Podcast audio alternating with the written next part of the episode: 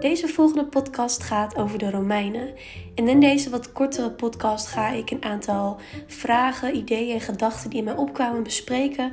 Die ik kreeg terwijl ik de informatie over de Romeinen tot me nam. Waarbij ik me vooral ga proberen te focussen op de connectie met de hedendaagse cultuur.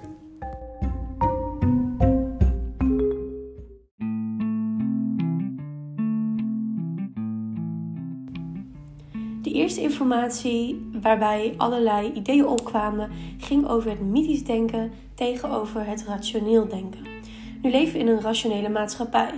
Ehm, we, zijn veel, we zijn jarenlang heel erg afhankelijk van, van informatie, van onderzoek, van wetenschap. En veel mensen nemen dit ook aan voor waar. Nu is niet per se één van de twee beter. Maar wat ik de laatste tijd veel heb gezien, ook omdat ik in een omgeving ben waarin ik veel omgeven word door mensen die zo denken, is dat veel mensen ehm, toch in complottheorieën geloven. Vaak denken we, nou dat zijn er maar een paar, maar dat zijn er echt heel veel. Nu zijn, is dus niet een van de twee beter, maar er kunnen wel hele grote gevaren ontstaan.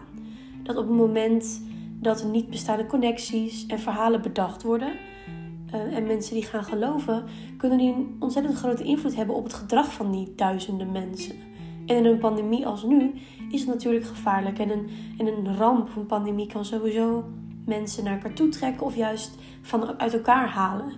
En um, juist omdat wetenschap en het rationeel denken zo wordt, soort van algemeen wordt aangenomen als waar, wordt vaak die, die tegenreactie ook sterker. En soms is dit goed, omdat het ervoor zorgt dat mensen kritisch blijven kijken op dingen. Omdat wetenschap uiteindelijk ook maar een interpretatie is.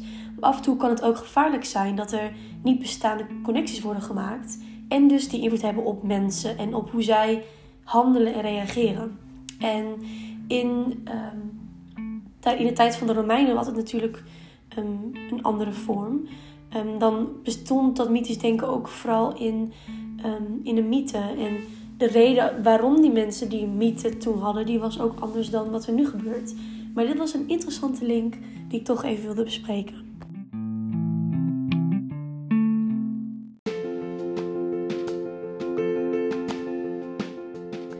En daarmee komen we eigenlijk automatisch uit bij iets wat ik in de vorige podcast ook heb genoemd, namelijk het interpreteren van een tijdperk.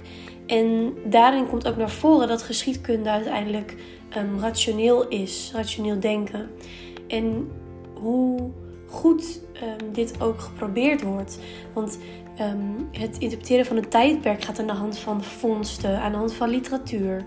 En toch blijft het een interpretatie, want we kunnen nooit echt weten hoe het er in die tijd aan toe ging. Ondanks dat we natuurlijk erg veel materiaal hebben om de kennis op te baseren. Blijf je daarbij um, door een um, bril kijken vanuit jouw eigen generatie en jouw eigen tijdperk. Um, dus het kan heel lastig zijn om echt iets goed te interpreteren als dingen in die tijd misschien heel anders waren. En een bepaald onderdeel wat mij opviel, wat ik ook uh, mooi vind om te zien, is dat um, rituelen een onderdeel zijn wat je door de jaren heen eigenlijk altijd blijft zien. Dus hoeveel een periode ook verandert, er zijn altijd rituelen, altijd overgangsmomenten die mensen bewust willen vieren met, door gebruik van, van allerlei. Um, ja, die gaan eigenlijk, zijn heel kunstzinnig, want die gaan eigenlijk gepaard met, um, met iets, um, vaak met eten, met een bepaalde beweging. Dus echt een fysieke, fysiek ritueel, met bepaalde muziek. Met, eigenlijk worden alle zintuigen wordt ingevuld bij een ritueel. Dat is natuurlijk niet altijd zo, maar dat deden ze ook in de tijd van de Romeinen. En die rituele connectie is iets wat, je, wat ik eigenlijk door alle jaren heen heel blijvend vind. Wat ook gedaan werd, was dans als ritueel. Um, dans als ritueel is niet altijd mainstream geweest. Vooral vanaf het moment dat het christendom kwam, werd dans gezien als iets wilds, losgeslagen. En iets wat je verder bracht van God af. En was dus ook iets wat nadan was. Terwijl dans als ritueel in de Romeinen, eh, tijdens de Romeinen, dat was eigenlijk veel meer normaal. En wat zo mooi was, um, wat ik las, was dat dans als ritueel um, zo krachtig is. Dans in het algemeen. Omdat mensen altijd aan het zoeken zijn naar uitgangen om dat, dat rationele denken even los te laten. Om dat gevoel van altijd productief moeten zijn loslaten. Dus alleen focus op het lichaam en hoe dat voelt in het bewegen. En um, dat vond ik ook een mooie, een mooie gedachte.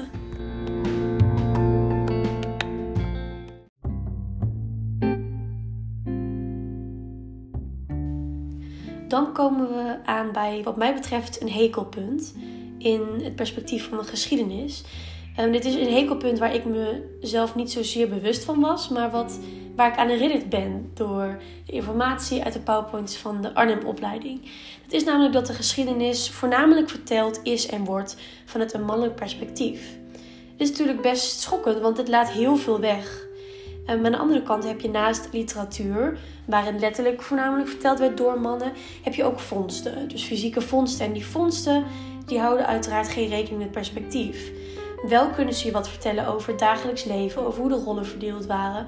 Maar ook die zijn vaak een gevolg van, van een bepaalde maatschappelijke constructie. Um, en uh, ja, dat is denk ik toch iets wat best belangrijk is om erbij te vertellen, omdat er gewoon daardoor veel wordt weggelaten. En dat is belangrijk om je daar bewust van te zijn. Um, vaak denken we dan ook dat de duidelijke man-vrouw rollen en de scheiding pas ontstonden na of vanaf het christendom. Um, ik wist zelf ook niet dat dit het geval was, maar ook in de tijd van de Romeinen was dit al het geval. Er was namelijk iets wat heette vier. En dat was een man met zelfcontrole. Een goede en een juiste man. En onderdeel hiervan was dus die, die zelfcontrole en het niet tonen van emotie.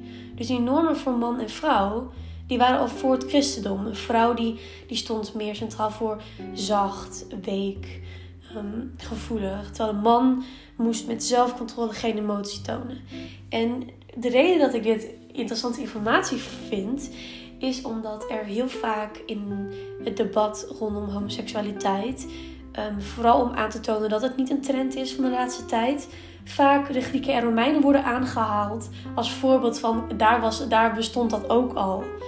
Terwijl ik denk dat dat vanuit een hele andere levensstijl en levensvisie was ook. Daar ging het veel meer over lust en over genieten van het leven. Dus doen we dat maar gewoon. Zonder dat het per se goed of fout was. Ehm, en ook dat uh, oude mannen een soort mentor waren. Die kregen een, echt een jong jongetje voor zich. En daar was het ook doodnormaal dat, dat zij seks hadden met elkaar. Ehm, wat natuurlijk veel meer lijkt op een soort machts, verkeerde machtsrelatie. Ehm, dus in die zin is het voor veel mensen misschien een, een goed argument. Maar tegelijkertijd moet je daar misschien ook mee oppassen. Omdat dus in die tijd uh, dat op een hele andere manier geïnterpreteerd werd. En dat is ook juist zo interessant aan die interpretatie van een tijdperk. Van in hoeverre kan jij weten um, wat er gebeurde in die tijd. In hoeverre valt het ook te linken aan hoe we daar nu over denken, bijvoorbeeld.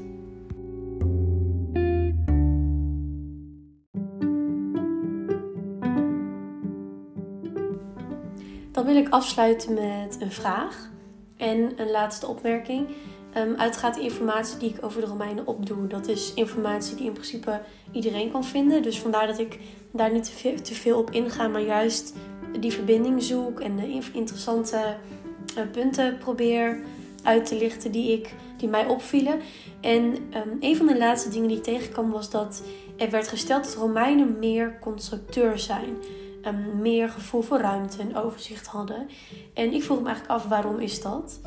Um, wat, zeg maar, wat heeft het punt aangeraakt dat dit veranderde? Dat, dat zij meer die constructeurs waren. Waar heeft dat mee te maken? Dus dat was een vraag vanuit mij.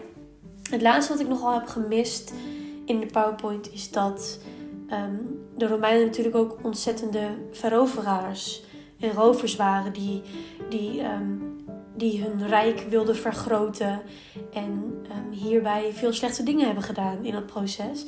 En dat is wat mij betreft ook best wel een belangrijk onderdeel wat deze tijdsperiode kenmerkt. Dus daar had het wat mij betreft nog iets meer over mogen gaan. Dat was voor nu de podcast. En uh, de volgende podcast zal weer op dezelfde manier worden aangepakt.